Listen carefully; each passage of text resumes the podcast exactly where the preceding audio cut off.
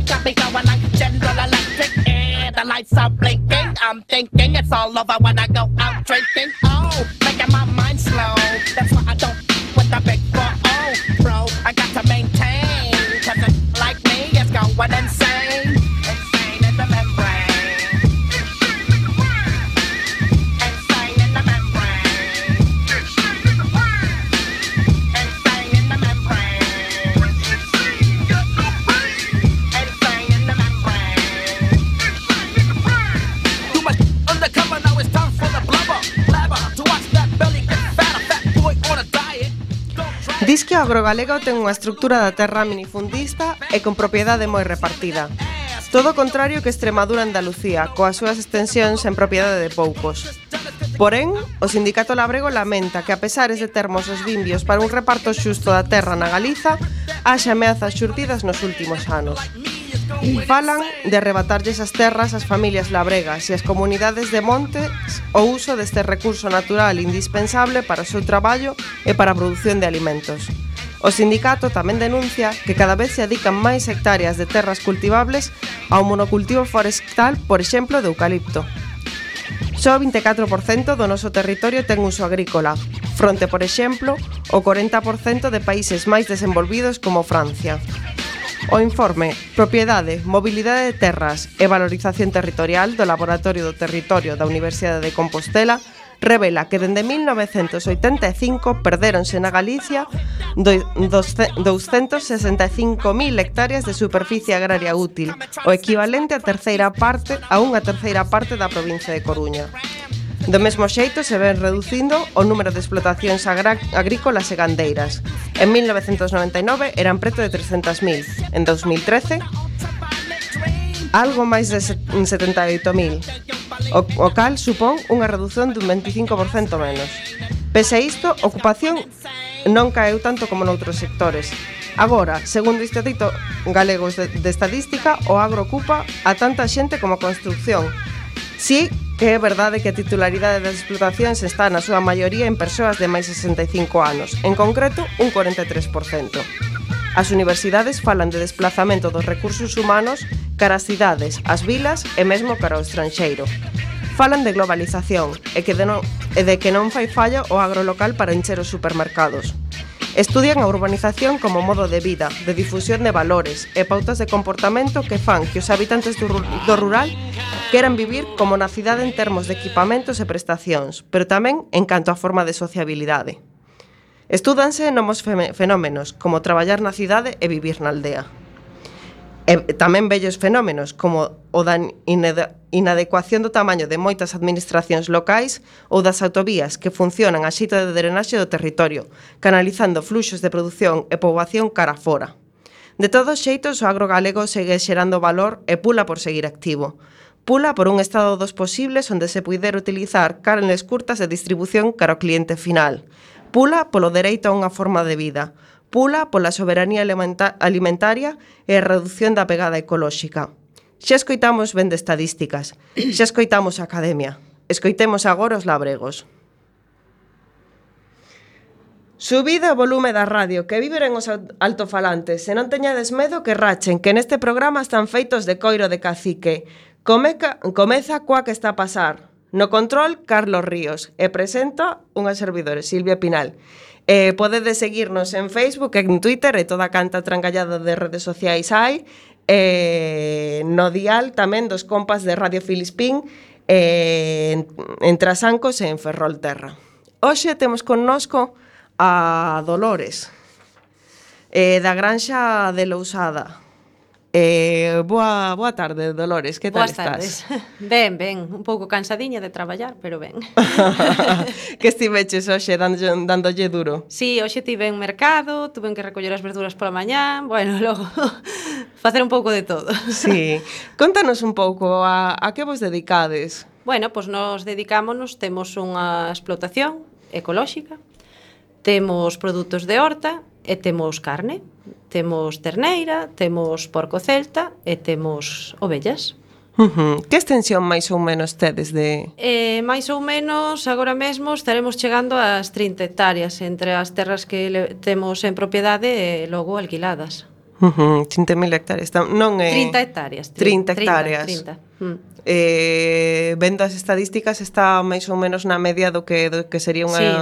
unha explotación media. Sí, o que pasa é que bueno, eh tamén, a ver, o tema das hectáreas depende un pouco a que te dediques, non é o mismo en horta que, por exemplo, para unha granxa de de leite, non? Nós como a temos así diversificada para vender un pouquiño de todo, como vendemos normalmente así a, a consumidor final, preferimos ter variedade e, e non cantidade excesiva dunha cousa, vamos.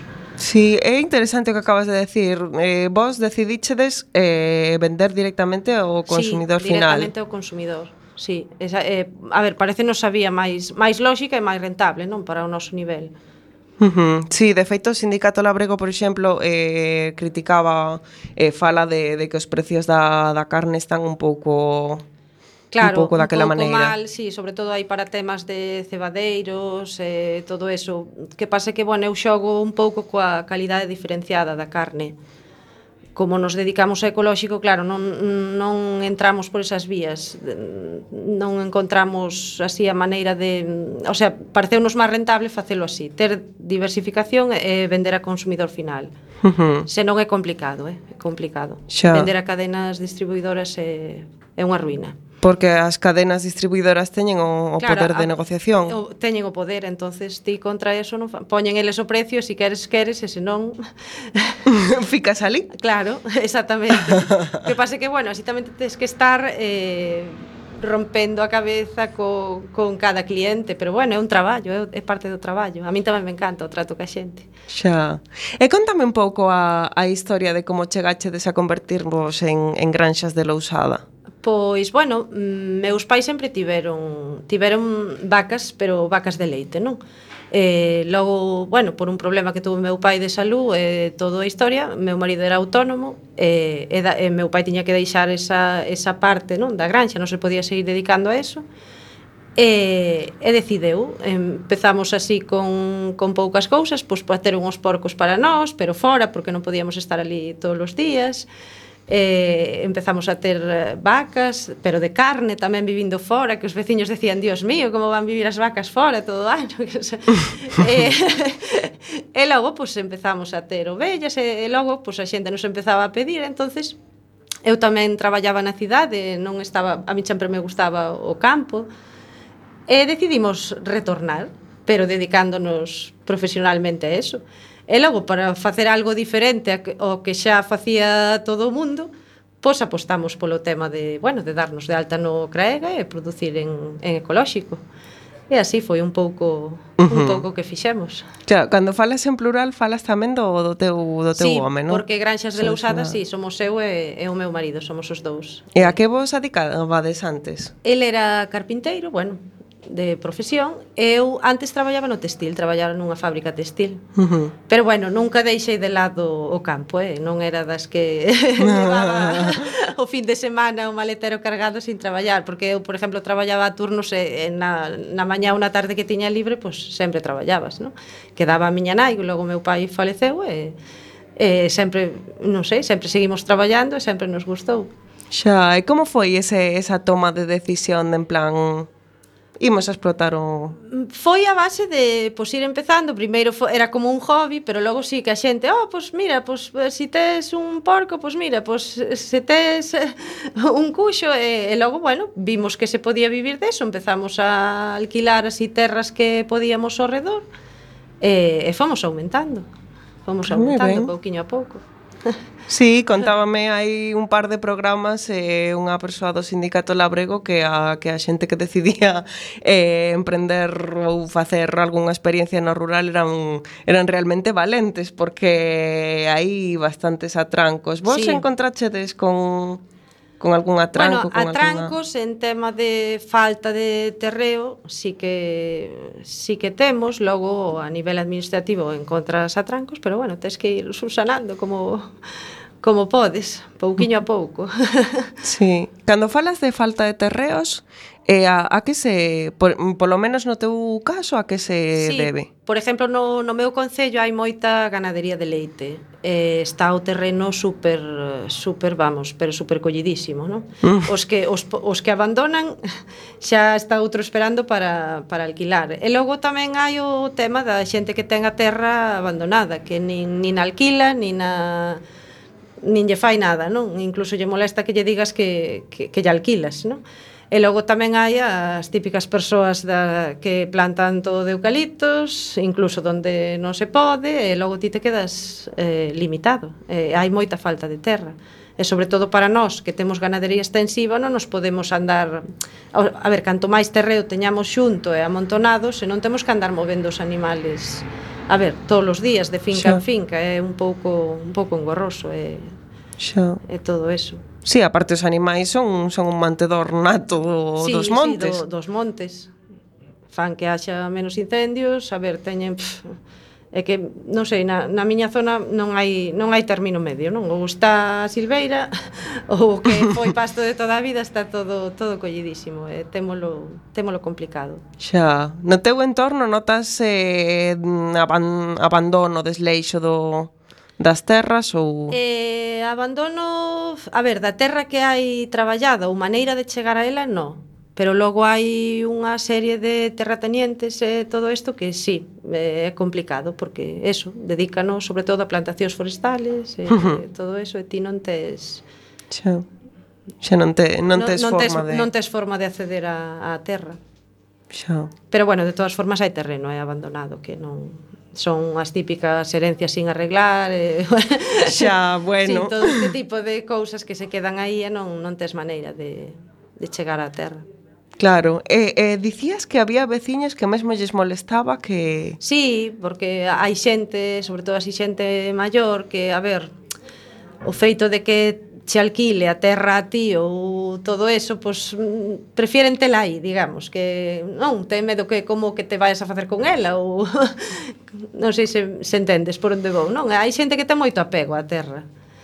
Sí, pero se non a utilizan... Sí, pero hai xente que prefiere tela así. bueno, bueno. Sí, sí, hai de todo. Eh, hai de todo. Hai de todo. vale, dicíasme antes tamén que eh, tiñades o certificado de Craega. Que sí. vendedes máis? Por, pola parte de ecolóxico ou pola parte de porco celta? Eh, vendemos máis polo, por ecolóxico que por, que por porco celta. Uh eh, -huh. O noso cliente xa e cada día hai máis clientes así que aprecian moitísimo o tema de do ecolóxico. Uh -huh. Que pasa que, bueno, de eu que vou a mercados e todo isto tamén tes cada vez ves que hai un cliente máis novo que ten ese aprecio, ese ape, o sea, que o entende tal, non, se non tes a típica señora, bueno, decides que é ecolóxico, pero de ecolóxico sabe Dios o que lle botades e, e todo ese tipo de, pero bueno, ves que que cada vez hai máis clientes que o valoran. E iso, bueno, a ti dache unha satisfacción porque ti estás matándote para facer ben o teu traballo e, mm. e todo eso e, e agradeces un montón. Que requisitos precisas para ter o, o sello? E canto tempo pode levar obtelo? Eh, mira, nos no das vacas, por exemplo, tes un mínimo de dous anos, porque, a ver, tes que mm, certificar as terras, tes que introducir, bueno, empezar cos típicos papeleos do CRAEGA, pero logo tes unha serie de, de requisitos, por exemplo, nos animales que hai que deixar pasar, non? O, o tempo, hasta que ti realmente tes tes ecolóxico. Hai xente ao mellor, bueno, colle terras abandonadas, empeza a dedicar que non se estaban usando en agricultura convencional. E todo iso é lle máis fácil, non? Ao mellor non lle exigen tanto tempo de conversión como, como a nós, pero bueno, nós digamos que proviñamos dunha agricultura convencional, meus pais tiñan, tiñan vacas de leite en convencional, o cereal que tomaban non era ecolóxico, bueno, non tes os mismos usaban abonos químicos que nos deixamos de usalos, utilizamos outros abonos, e bueno, levache un tempo reconvertirte, es un mínimo de dous anos. Logo tiñamos moito problema que, bueno, había terras que for, foi cando empezamos a utilizalas para, para a horta, eh, porque o Craiga che exigía que, bueno, tiñache que facer o dono como unha cesión de terras, non? Do, para ti poder certificar esas terras. Elevábamos terras que eran eso, as típicas herencias sin arreglar, e non había, digamos, unha persona que che poidera firmar, que estuvera autorizada para, para firmar a cesión desas terras. Logo iso cambiou, ora firmas ti, metes a finca, te fas ti responsable, cando, cando a deixes, pois deixala. Entón é moito máis fácil. A verdade, nese, nese aspecto melloramos. Pero bueno. había, había terras que eso, que non podíamos meter porque non había un responsable para que nos cedera a terra, pero agora sí, agora firmas ti e, logo cando a teñas que deixar, pois pues, sácala e punto. Pero bueno, sempre cando tes que deixar o período de conversión. Xa. Normalmente. E despois tamén eh, a horta que, que tedes é tamén ecolóxica, sí, verdade? Sí, sí.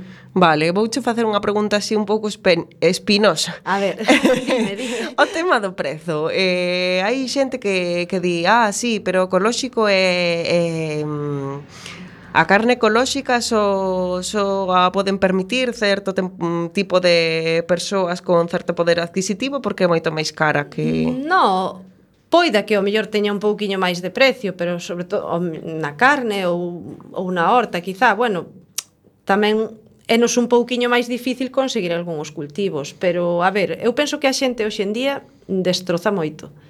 Penso que se realmente compras o que necesitas para para comer, que sí que se pode permitir todo o mundo comer ecolóxico.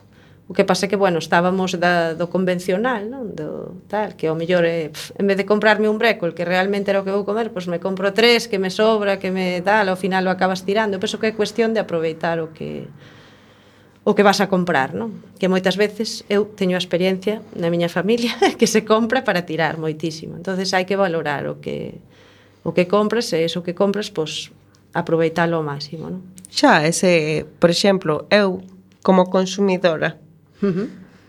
Digamos que puenteo o supermercado e che compro directamente a ti xa estamos sí. aforrando tanto ti como a min, non? Sí, e logo, a, sobre todo, así que o probes, vaste dar conta da diferencia que hai, sí, sí, porque date conta que un brécol, unhos grelos, un que ti compras no super levan collidos, vamos, unha serie de días que logo dimo moita xente, jo, vai, que che compro o brécol, por exemplo, e me dura na nevera, bueno, é que lle dura un montón, claro, o do súper, sabe Dios, e non ten follas, eso pasa co brécol e ca coliflor, e, o, o do súper non ten follas, ti por que o colles con follas?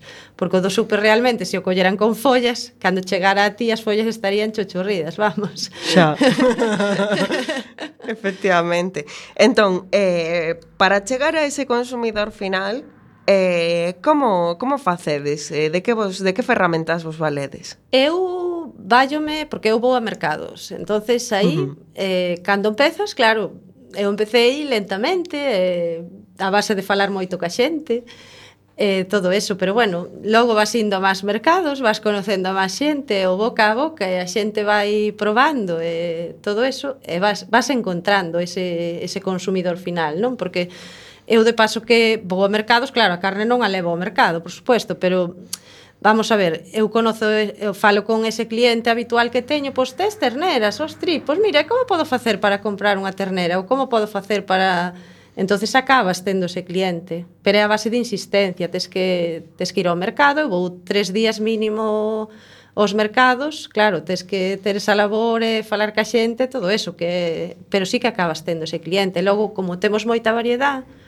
de porque agora estamos poñendo tamén un galiñeiro para poder ter o polo e os ovos legalmente, todo eso para poder vendelos. E, e acaba, ese cliente que che ven a comprar a verdura, pois ao final che acaba comprando a carne, che acaba comprando os ovos, sabes, e carne como temos variedad, pois tamén van cambiando de carne e acabas tendo ese tipo de, de cliente. O que pasa que, bueno, é unha labor que non vale todo o mundo, eh, para pa facelo. tes que estar constantemente nos mercados, sí. tes que facer unha labor comercial. Sí, sí, tes que facer unha labor comercial e logo moita xente que lle gusta vir de visita a casa e tes que recibir visitas, e tes que enseñarlles todo, a xente ve como traballas, e encántalle, claro.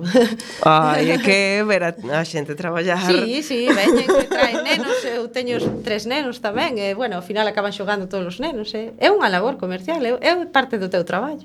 Xa, xa, a parte do traballo e aparte unha, unha forma de promoción tamén dentro de, para que os urbanistas como nós, sí, sí, como que, me, que vexan... vexamos de onde saen as cousas, sí, sí, non? Sí, sí. Sí, é curioso, pero sí. A xente encanta, lle, vir de visita. Xa. E despois, por exemplo, no tema de, de redes sociais ou sí, páxina temos, web... Sí, temos páxina web. A páxina non a usamos digamos, está aí, pero nos eh, ten unhas fotiños e eh, pon certos datos sobre nós, non a utilizamos para vender. E logo temos páxina de Facebook, pero pero bueno, non usamos ese tipo de, a ver, porque tampouco o nivel que temos, sabes, eh dámolo vendido bastante ben ven así e non usamos ese A ver, nun futuro nunca se sabe, non? Pero por agora vamos indo, pouquiño a pouco. Xa. Chamábame na a atención na, na vosa web eh, que dicíades que a vosa granxa sufriu eh, actualizaciones e ampliacións tanto físicas como filosóficas ata chegar ao seu estado actual. Cales son as filosóficas? Uf, eso seguro que o puxo meu marido, porque... sí, cámbiache a, a filosofía de vida, está claro. Non, non sei como explicarcho exactamente, pero cámbiache a, a forma de facer as cousas. Antes facías as cousas por inercia, para, digamos, vendías o leite porque pagaban ese precio e tiñas que producir máis e máis e máis para ter máis, agora non. Eh, cambias, por exemplo, ter unha calidade de, de carne eh, e eh, eh, producir un bon produto para un cliente diferenciado, pero non para, para producir volúmenes, non? non sei, máis ou menos é eso que supoño que che querería decir. Xa. E, claro, coñecer tamén os, os clientes polo nome. Sí, sí, polo estar nome, máis tempo estás en no... contacto con eles directamente. Hmm. Estar máis tempo aire libre. Sí. E logo, bueno, cambiou tamén a, a forma de traballar, claro, que falábamos antes, ah, que decían os veciños, dios mío, as vacas estando fora todo o ano, ah. todo ese tipo de, de cousas, pero bueno, O e como, como levaron os veciños eh, cando aparecechedes vos eh, cambiando un pouco Buf, o esquema? Esos están mal na cabeza, non saben o que fa. sí, pero bueno, ahora xa nos xa nos respetan bastante. Está guai, claro, entonces... porque ven que, o ver, que eh, non todos podemos facer o mismo, está claro, non? cada un ten que buscarse unha liña diferente para o seu produto. Entonces, se todos, todos, todo, todo Galicia facemos o mismo, ao final non, non te diferencias en nada. Entón, tens que ir buscándote estrategias. E, claro. bueno, tamén nos gusta esa forma de, de vida, non? E de, de, da ecoloxía, digamos, de non usar os produtos químicos, eh, que ao final eu creo que son cousas que se acaban pagando na salud. Hmm. Volveríades a vivir na cidade? Eh, a ver, eu si teño que vivir na cidade, penso que, que me adaptaría, pero que votaría de moito, moito de menos o campo, si. Sobre todo, bueno, imagínate, eu se teño que vivir pois, sin as miñas patacas ou sin as miñas verduras, como sempre as tuven, a ver, dedicándome ahora a vender para fora ou non, non sei, íbame costar, eh? íbame costar bastante, a verdad. E, por exemplo, a min, que son unha persoa urbanita, por así dicilo, eh, que non se dedicou nunca ao, ao campo. Recomendaríasme un, un cambio de... Eh, se non estou contenta coa cidade. Se non estás contenta coa cidade, eu recomendo a todo mundo que o probe. Cal sería o proceso? pensas ti? Pero dedicarte, o sea, vivir no campo ou dedicarte profesionalmente ao campo. Claro. Claro, é que iso é cambia. Que, iso cambia. Eu podería, por exemplo, eh, teño un traballo eh, no que me permite perfectamente traballar dende casa, pon, poñamos por caso. Sí, sí. No que me permite traballar online de, dende casa, podo vivir no campo, pero non estou traballando no campo. Claro, claro, é que eso é moi diferente. Claro, eu falo de vivir no campo e traballar no campo. Como Como eh, comezarías? Traballar no campo, pois terías que, non sei, pensar a que no campo podes vivir de, de varias cousas, Dedic o sea, pensar a que te quererías dedicar e logo ir pouquiño a pouco, porque bueno, empezar de cero hoxe no campo, eu penso que non é fácil, eh? sobre todo se non tes terras e non tes, eh, non sei, calquer mínima maquinaria para poder facer algo, e todo eso é complicadiño, eh? É complicado. Empezar de cero no campo hoxe é moi difícil.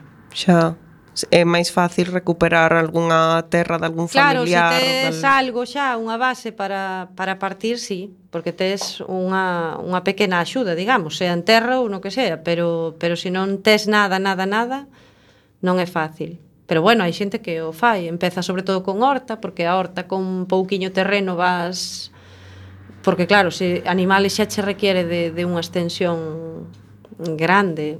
Por po, se queres vivir deso, claro, moi pouquiño con, con dúas ovellas non vas a vivir. Entonces pero sí, co, coa horta empeza a maior parte da xente con, con horta porque claro, a horta, digamos que con un poucos metros pois podes sacar, dependendo do cultivo que sea podes sacar unha, unha produción. Pero bueno, iso é cuestión de, de probar e ir pouquiño a pouco. Xa, xa. Sí, ou tamén na explotación de montes. Pensas que ten algún Eh, montes... Pues, os castiñeiros... Ah, o... tamén, tamén. Sí, Amel. Bueno, sí. Amel está un pouco daquela maneira, non sí, sei ahora, se coñeces ti no, no teu entorno. É eh, polo tema da velutina, hmm. que está afectando bastante. O que pasa é que, bueno, eu, ta, eu penso que, por exemplo, os castiñeiros, Amel e todo isto está ben como complemento, porque eh, son, digamos, que che ocupan unhos meses ao ano, non? Despois, digamos, que tes parte do ano libre que te podes dedicar a, a outras, a outras cousas. Xa. Entonces, como complemento, está ben, pero para vivir solo deso, claro, xa necesitarías unhas, un, un volume bastante grande, porque date conta que se, se os castaños, na época das castañas, bu, vas a ter un boom de traballo e de ventas, tal, pero logo todo o ano, claro, ou Xa. buscarte estrategias de facer outras conservas, ou, bueno... Sí, facer produto elaborado. Claro, produto elaborado, todo eso. Hmm. Por exemplo, se tes unha, unha extensión de, de manzanos ou de castiñeiros, facer mermeladas de manzanas. Claro, zumos ou, ou todo sí, ese tipo sí, de... Sí de cousas. Pero bueno, é cuestión de... Por iso nós temos esa, esa variedade, non? Por exemplo, tes épocas de matanzas de porcos, é máis ben todo no mismo can nas épocas de frío, non? Logo, en verano prácticamente non se matan porcos. A ternera sí que xa che dá máis xogo o cordero, pero en a horta pasa igual, tes eh, produtos que vendes moitísimo nunha época, pero logo noutra te quedas sin eles, tomates agora non hai. Xa. Claro, agora estuvemos cos grelos e a partir de agora virán outras cousas, tes guisantes, pero bueno, a horta dache moito moito xogo para ter. Xa, porque aparte sendo do, do ecolóxico, plantades de temporada. Sí, sí. Bueno, eso máis ben fais en ecolóxico e en convencional, porque o daqui, a ver, ah. o clima é o que temos. é, o, é o que temos, eh? eh tomates en inverno en Galicia, eu penso que pouco. pouco. Pouco vai haber. Pouco xa. vai haber. E mira, da carne, eh, que é o que máis levan os teus clientes? Eh, nós, por exemplo, a ternera vendemos cuartos ou mitades, eh, se hai xente que ten así para, o sea, que se leva para para comida familiar, digamos, ten, se ten conxelador, pois vendemos por cuartos ou por mitades. Logo tamén temos clientes que, bueno, que nos piden pezas específicas, pero eso xa é o mínimo. De, e despois cordeiros tamén se venden un montón, xa. mitades ou eso eh, é o porco xa é máis de inverno. É máis invernal, é claro, máis, máis para coller caloría. Claro, claro. Moi ben, pois moitas gracias. Imos facer pois unha, unha pequena pausa para escoitar unha, unha canción fermosísima dun grupo que se chama daqui da Ría e se chama Terra. Volvemos dentro de un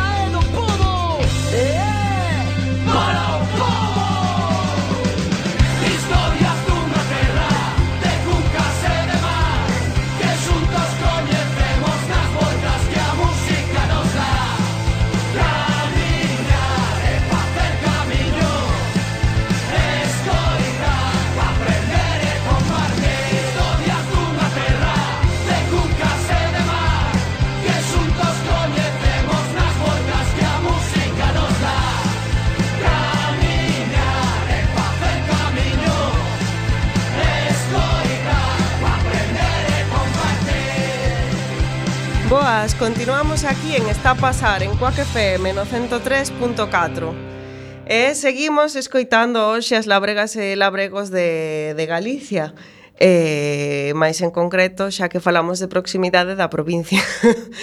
Eh, seguimos con Dolores. Dolores, eh, quedauseme unha pregunta antes no tinteiro. Que, votarí, que, que petición lle farías a, as administracións, tanto locais como autonómicas, como estatais, europeas, ámbito Buf, que non lo poñan máis fácil a nivel papeleo, por favor. e sobre todo, non sei, xa falando como agricultora ecolóxica, que por favor, que, que estamos, a ver, moi moi controlados comparados cos de convencional, eh? que vas ben, eu creo que debería de ser ao revés. os ecológicos é que temos que anotar cada paso que damos ao rededor da horta e os convencionais que non lles exigen nadiña, cando eu creo que, que debería de ser ao revés, por favor. Xa. que, eh, entendes? Que eu me teña que estar anotando que si uso non sei que, que si... E, e logo un convencional que non, eso parece injustísimo. Xa. Xa, xa. Pois sí, é unha, é unha boa petición. Sí, ou que sea para todos, que todos teñamos que facer o mismo. E logo que non poñan un pouquiño máis fácil a nivel papeleo, porque de verdad que vamos tolear. vale, temos a, a un compañeiro eh, que tamén se dedica, se dedica ao agro. Eh, boa tarde, Leo. Hola, buenas tardes. Hola, Leo. Ti eh, ves de Sidra Reboredo, verdade? Exacto, sidra e zumo reboredo, exacto. Vale. Bueno, é bastante descriptivo o que facedes co coa vosa coa vosa empresa, verdade? Sidra e zumes. Eh, exacto. Eh, canto sidra... tempo Sí, perdón. ¿Cuánto tiempo hace que estamos? Sí. Eh, bueno, hace este año ya van cuatro años que estamos elaborando eh, el zumo y la sidra. Estamos intentando ahora, bueno, intentar hacer un poco de vinagre también, vinagre de manzana, que es un derivado también, y, bueno, y se puede aprovechar. Pero bueno, hace cuatro años cada vez intentamos ir un poquillo más, y, bueno, estamos cuatro añitos con ellos, a ver qué pasa. Sitúame un pouco no mapa, onde estades? Sei que, sei que de Betantos, pero exactamente... Estamos, bueno, eh, hace cuatro años cuando empezó estábamos en Bergondo, por eso es el nombre de, la, sidra, y ahora estamos también en, Bergondo, ahora estamos en Pisón, estamos elaborando en Pisón, antes estábamos en la aldeita de Reboredo, ahora una aldeita de, Pisón, y bueno, estamos ahí al ladito de Bergondo y elaborando ahí muy cerca de muchos manzanos perdidos que andan por ahí. Xa, noto tamén que falas en plural como, como Dolores. Cantos socios sodes? Mm, bueno, somos tres, tres amigos, tres amigos que estamos con ellos. Moi ben. E, e como, como conseguichedes terras? Tiñades xa terras ou... No, no, la verdad que, bueno, todo empezó porque, bueno, veíamos muchos manzanos abandonados, eh, muchas manzanas caídas y, y, bueno, surgió la idea de alguna manera de sacarle algún provecho a aquello. Y, bueno, justamente un tío de Pablo, eh, también un, socio, que él hacía, hacía sidra, es un, tío de que vive en Asturias, y tenía esa cultura de la sidra, y bueno, nos pusimos en contacto con él y, bueno, nos, nos enseñó un poquillo cómo, cómo era aquello. Entonces, eh, así empezó todo. Eh, manzanos perdidos, manzanos que están estropeados, abandonados. La manzana, bueno, la silva los, los va por arriba. Y, y dijimos, bueno, hay que hacer algo, esto no, no sé por qué. Y, y no sé por qué pasa esto así. Eh, y bueno, así empezó la idea, la verdad. Así que proac proactivamente vos eh, decidiche, des, decidichedes poñervos en contacto cos, cos veciños e, e pedir a cesión. Como, como reaccionaron? Pues, pues muy bien, muy bien. La verdad que muy bien y, y, muy gratificante porque todo empezó por un vecino, un manzano, bueno, cuatro o cinco manzanos y empezamos a elaborar el primer año. Pero bueno, siempre después intentando ir un poquillo más porque vimos que nos gustaba realmente eh, entonces nos hacíamos cargo un poco de, lo, de, los manzanos abandonados, hablamos con los vecinos y, y, muy bien, muy, ya te digo, muy gratificante por el, el, hecho de que pues mucha gente que ya no se dedica al campo o el señor que los cuidaba los manzanos ya no está, sus hijos, sus sobrinos o lo quien quiera no o no le interesa o no puede o vive en otro sitio y bueno, entonces pues eso estaba a monte. Entonces, claro, nosotros nos hacemos cargo tanto del manzano como de, la leira, ¿no? Donde están. Entonces, ellos también ven, por un lado, que el manzano no se estropea, está cuidado, la finca no está a monte y, y bueno, y ganamos todo, porque después también ellos se llevan unos unos litritos de sidra y de zumo. Entonces, es, muy, es muy bueno. Sí, sí. Claro, y eso parece estupendo. Sí, sí, claro, eh, por eso es muy, muy gratificante en ese aspecto también. Sí, aparte...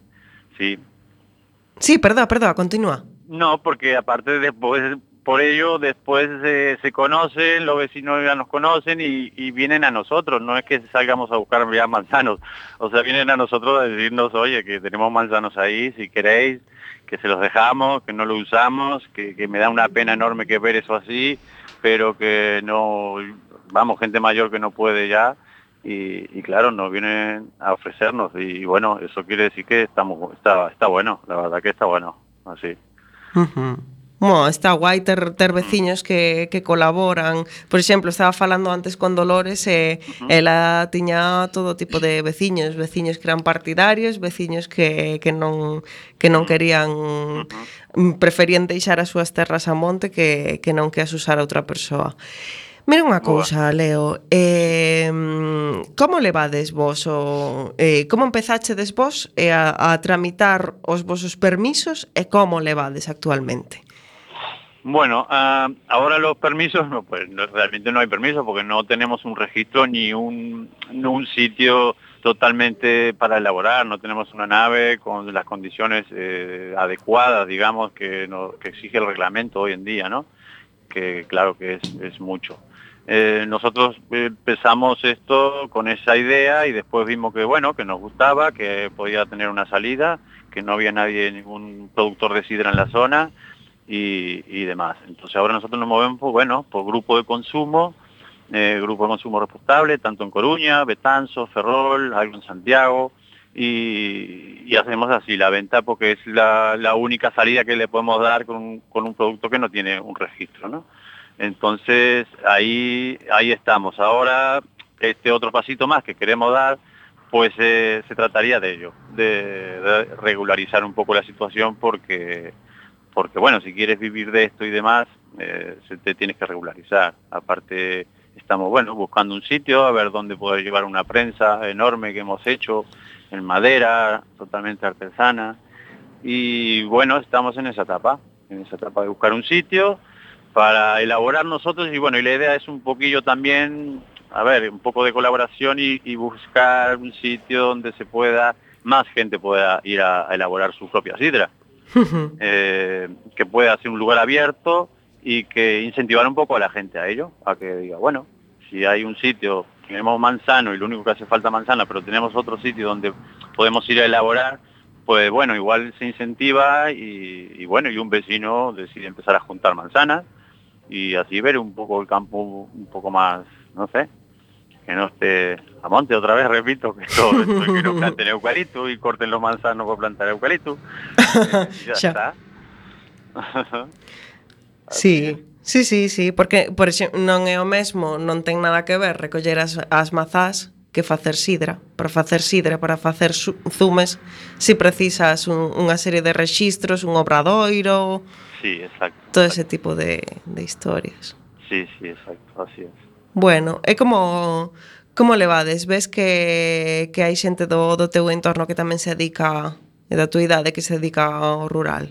Cal é a, túa experiencia? Bueno, la gente del entorno, pues lo, lo que se dedica realmente a, la- a lo rural y a, a la agricultura ecológica, pues lo llevan como pueden, porque no hay, no sé, no hay un reconocimiento eh, total. Ahora tenés que tener un, sello ecológico y exigen, exigen y exigen. Y realmente no dan muchas herramientas para poder acceder a esos, a esos permisos, a esas regularizaciones. No por parte de la administración, al menos para mí creo que no, no hay un interés o, o no sé, el que el mediano productor o que lo puedan hacer y pueda hacer algo más asequible, ¿no? Llegar a poder producir, a poderle vender a un supermercado de la zona, ni sin hablar de grandes superficies, simplemente a pequeños supermercados o tiendas de pueblo que donde puedan ir a vender, ¿no? Sus propios productos de la zona.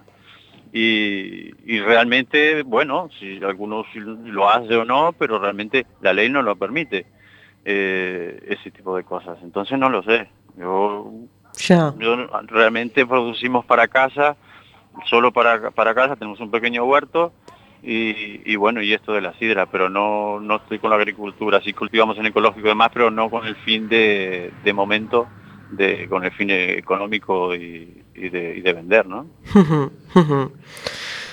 Moi ben, pois mira, sei, sei que andas tamén coa rede de, inte- de intercambio de sementes. Outro día temos que falar diso, verdade? Exacto, exacto, sí, justamente ahora pues, estamos reunidos, eh, bueno, eh, seleccionando sementes, devolviendo sementes para, para devolverles, a, por ejemplo, al SIAM, que nos ha cedido algunas sementes autóctonas de aquí, y a la escuela de Guisamos también, le agradecemos mucho porque también este año se han involucrado un poco más en esto del encuentro semente y eso está muy bien.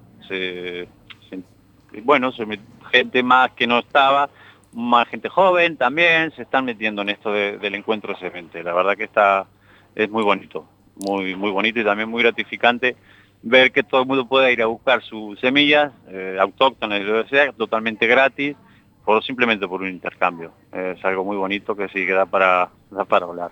Sí, pois deixete na asamblea e outro día falaremos dese, do, do tema de intercambio de sementes. Exacto, encantado. Moitas gracias, Leo. A ti. Hasta Hasta logo. Hasta luego, bye bye. Que tal, Dolores? Sinteste recoñecida? Sí, síntome recoñecida.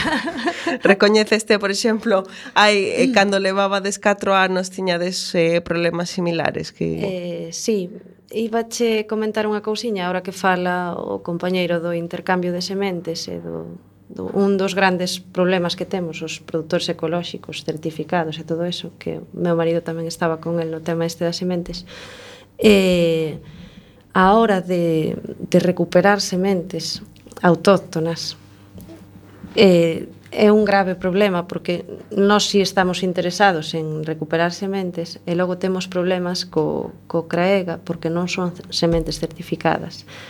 Eso sí que era un tema que, que me gustaría falar, porque a veces eu quero recuperar pois, ese repolo que ten esa señoriña dali do mercado que leva cultivando toda a vida, e o CRAEGA non mo permite, sabes, eso claro. é un, un tema administrativo grave que, que temos. Pois sí. Sabes, porque son moitas as sementes que estamos recopilando, que estamos tal, pero logo a hora de sementalas Pois sí, é un problema, é quen pois decide, é quen decide que eh, Supoño Europa decide o catálogo a ver, de especies. Tes que o millor semillalas aparte, non che valen como ecolóxico estes dous anos. Bueno, é unha labor que claro, que nese aspecto sí que non lo poñen complicado.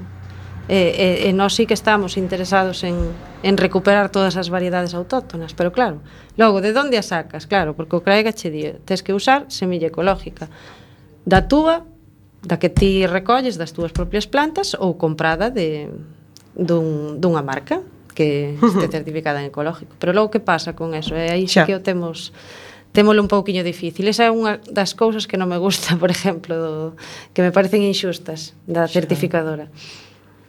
Xa, pois que... temos temos no teléfono a outra a outra compañeira Labrega. Eh, boa tarde, Luz. Boa tarde. Que tal estás? Ben, ben. Luz, tiras Estupendo. Tinas falas desde, dende Negueira de Muñiz, xa non estamos tan, tan preto, nos estamos en Coruña e ti explícanos un pouco como é o Concello de Negueira.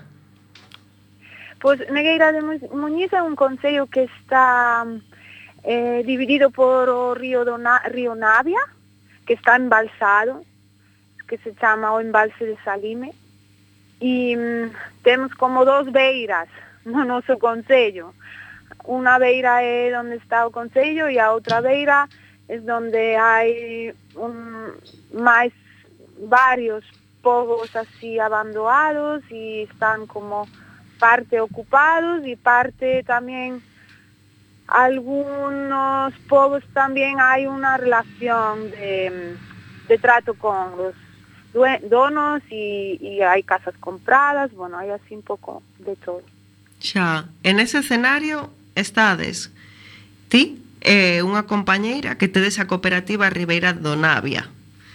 Sí, sí, eh, temos unha cooperativa, fixemos unha cooperativa no 2011 eh, de traballos asociados, porque como que como estamos en unha zona así desfavorecido, con, dentro dun concello donde hai depresión económico e todo, como, como chaman así, eh, Eh, pois fixemos un, unha cooperativa de traballos asociados, que quere dicir que temos dentro da cooperativa máis traballos diferentes. Pois temos traballos forestais, traballos de bioconstrucción, facemos reconstrucción, restauración, e despois tamén temos o noso obradoiro que é... Eh, trans, de transformación de alimentos, pues todo trabajamos en un obradoiro vegetal.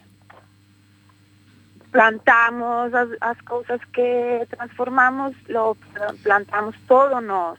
É toda a nosa producción. Pois facemos, por exemplo, o tomate frito natural, facemos paté vegetais que plantamos nos os pimentos e despois o transformamos. Y eh, esto, en eso sí que estamos dos chicas que nos llamamos as Ribeiregas. Y después hay otros dos chicos que están con o tema de, des, de desbroces para o tema forestal y después o de construcción. Entón, cando non hai eh, dinheiro mm, que entra por, por las conservas porque hai un bache, pois eu vou con os, con os outros compañeros a traballar nas obras ou a desbrozar no monte ou, a, nos temos que darle un pouco a todo para sobrevivir aquí Xa, ides combinando unha cousa, sí, outra vamos cousa. combinando. Sí, vamos combinando. Sí que gustaríanos poder vivir de todo o que facemos de conservas, pero aínda non chegamos ali. Eh. Mm, aínda non hay que producir muchísimo para, para realmente sacar un sueldo, que somos dos, como hay que sacar dos eh, soldos, entonces pues vamos así poco a poco, vamos viendo también o cliente oh, que le gusta y, y vamos así adaptándonos eh, también un poco a las modas, porque también hay también hay modas en, uh -huh. las comidas también. Mm. E vos como, como chegache esa a construir esta cooperativa? Que vos levou a tomar esa decisión? Pois realmente nos facía falta un pouco, como un pouco máis de estructura e realmente fixon, fixonos andar ter como unha estructura, non? Un, un, un compromiso allí entre todos escritos y firmados y hablados y ahí hicimos como una piña, ¿no? Y eso sí que a mí motivóme mucho para, para tirar para adelante y hay, hay también de hecho que, por ejemplo, gente que llega aquí a zona, pues o tema cooperativa atrae, atrae, porque es una cosa como seria, ¿no? Como Y, y, y realmente é una cosa seria, de verdad que hay que trabajar juntos, entenderse, y, pero es un aprendizaje estupendo, yo estoy ahí muy contenta aí de, de loitar por, por, la, por la cooperativa, sí. Xa, e sobre todo porque estades nun, nun, nun entorno onde vos na, na, mesma, na vosa mesma páxina dicides que, que precisamente queredes fixar poboación na vosa comarca. Ah. Mm. Queredes darlle vida a vosa comarca? Sí, sí, queremos que haya, pues, por lo menos una economía para que se poda vivir aquí, porque a maioría da xente, pues, ou ten que marchar ás vendimias, ou ten que marchar para poder eh, gañar algo de diñeiro, porque aquí non é nada. O único que se pode facer, o que hai de economía, é hai xente que vai, por exemplo, a traballar no Concello, así contratos temporais, cousas así, pero polo demais non. E tamén o tema do viño tamén está collendo agora forza, porque o GDR, o GDR3 eh, en la última, non en esa, pero en la outra última convocatoria, pois eh, sí que tamén meteu aí moita moita moita forza aí para que seguira pa diante que os xóvenes colleran o relevo e plantaran viñas, pois un tema tamén moi interesante para a Negueira. E sentidedes vos apoiados polas administracións?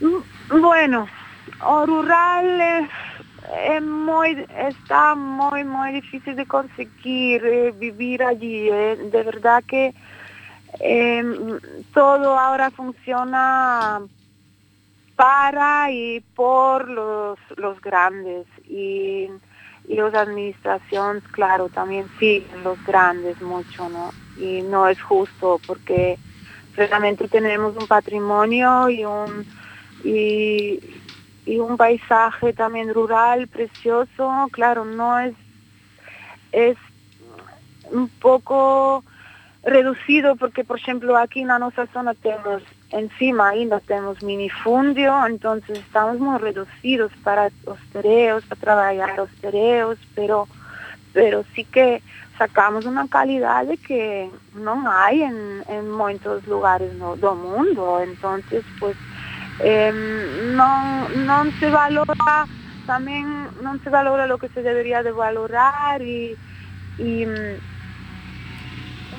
o apoio podía ser máis grande, vamos, porque nós porque somos aquí unos cuantos, entón apoiamos apo, nos apoiamos unos moitos a outros, pero entón eu non me sinto soa, ni me sinto abandonada, nin nin pobre, ni nada de esto, pero pero así xente que quere empezar algo no? rural e unha familia, por exemplo, pues casi é imposible. Eu xa. vexo casi imposible. Se non ten feito xa polos avós e por outras xener generacións anteriores, o veo casi imposible, porque aquí realmente se non fora polo polo polo todo, todo o apoio que hai, todo a xente que hai aquí, que tiramos todos un pouco por uno, pois non... Claro, vos funciona, funcionades moitos por, por redes de apoio mutuo. Sí, moito. Hmm. Sí, hoxe por min, mañan por ti, moito funcionamos así tamén. E, e eu creo que é o futuro do rural. Por o pois apoio mutuo. Funcionar así, sí. sí. Pois moitas gracias, eh, Luz. Moitas vale. gracias por intervir. Un placer. Gracias, boa noite. Boa noite, ata logo. Ata outra, a ver, hasta vernos, chao. Chao, chao. Chao, chao, chao. Pois mira, dicía máis ou menos o mesmo que sí. dicías ti, que sí, non te sí. preguntaba sobre a eh, a xente nova que se quixera incorporar. Sí, é complicado, se non tes...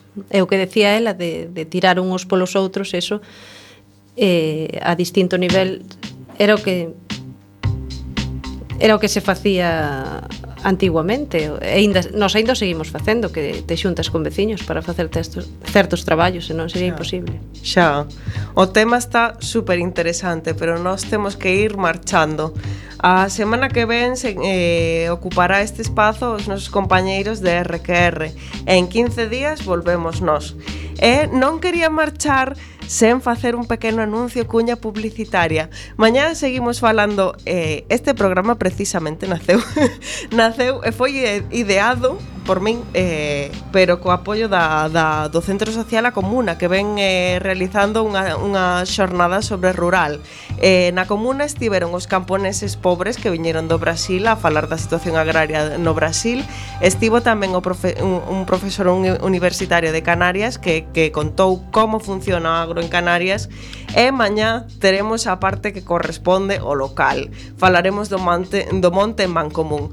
Eh, presentarase a iniciativa Monte Noso e proxectaremos o, o filme O Monte Noso que foi rodado en 1976 e que fala precisamente das loitas de recuperación do Monte en Mancomún.